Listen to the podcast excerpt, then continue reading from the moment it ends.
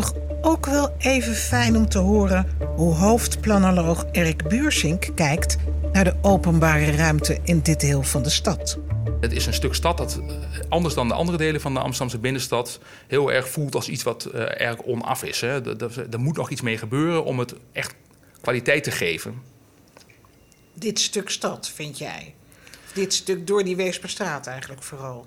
De impact van die verkeersdoorbraak is daarin de, het belangrijkste. Maar ik vind zelf ook dat de manier waarop um, er gebouwd is sinds de oorlog, uh, langs die nieuwe verkeersdoorbraken, die speelt ook heel erg mee.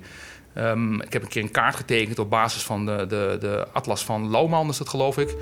Daar, uh, is het. Daar uh, staan alle pandjes op ingetekend per perceel. En als je dan kijkt hoe de oostelijke binnenstad eruit zag voor de oorlog, dan was dat wel een gefragmenteerd stuk stad. Maar het had wel een soort samenhang. En het had ook een hele kleine schaal eigenlijk toch.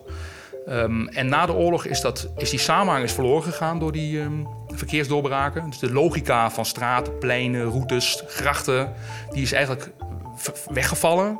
Niet door een goede nieuwe logica vervangen. En dat fijnmazige weefsel van, van gebouwen dat je had, dat is volledig gedesintegreerd.